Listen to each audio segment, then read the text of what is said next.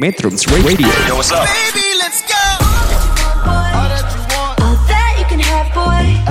Got me spread like a buffet. Bon night. Now they always say congratulations. Come and strip that down for me. I'm on my way. Girl, come and strip that down for me. Yeah, yeah, yeah, Metrums yeah. Radio Media terintegrasi kaum muda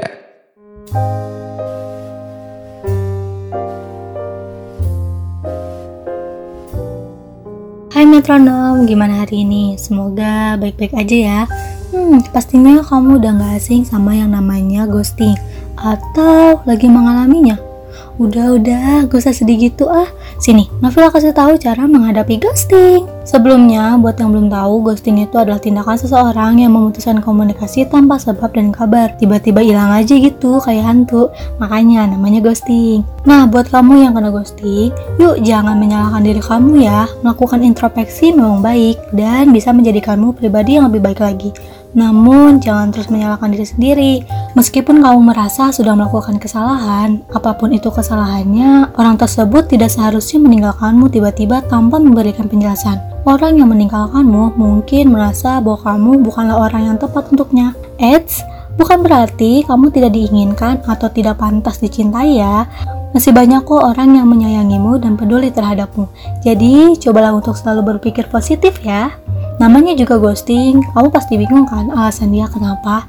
Nah, bingungnya jangan lama-lama. Berikan batas waktu untuk kamu menunggu.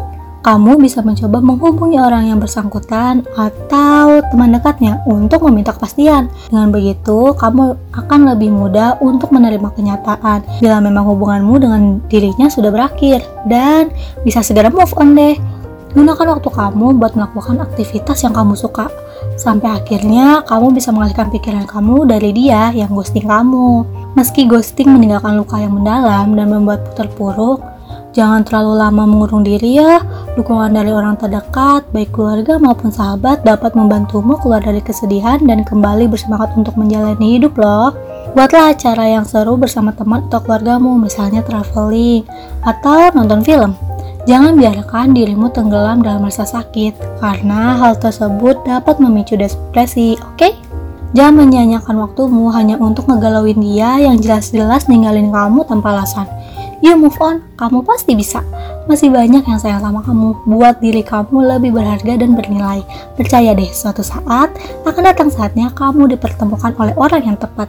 Oke deh, segitu dulu yang bisa aku sampaikan. Jangan lupa bahagia, jangan lupa jaga kesehatan, dan jangan lupa cintai diri kamu sendiri ya. Bye-bye.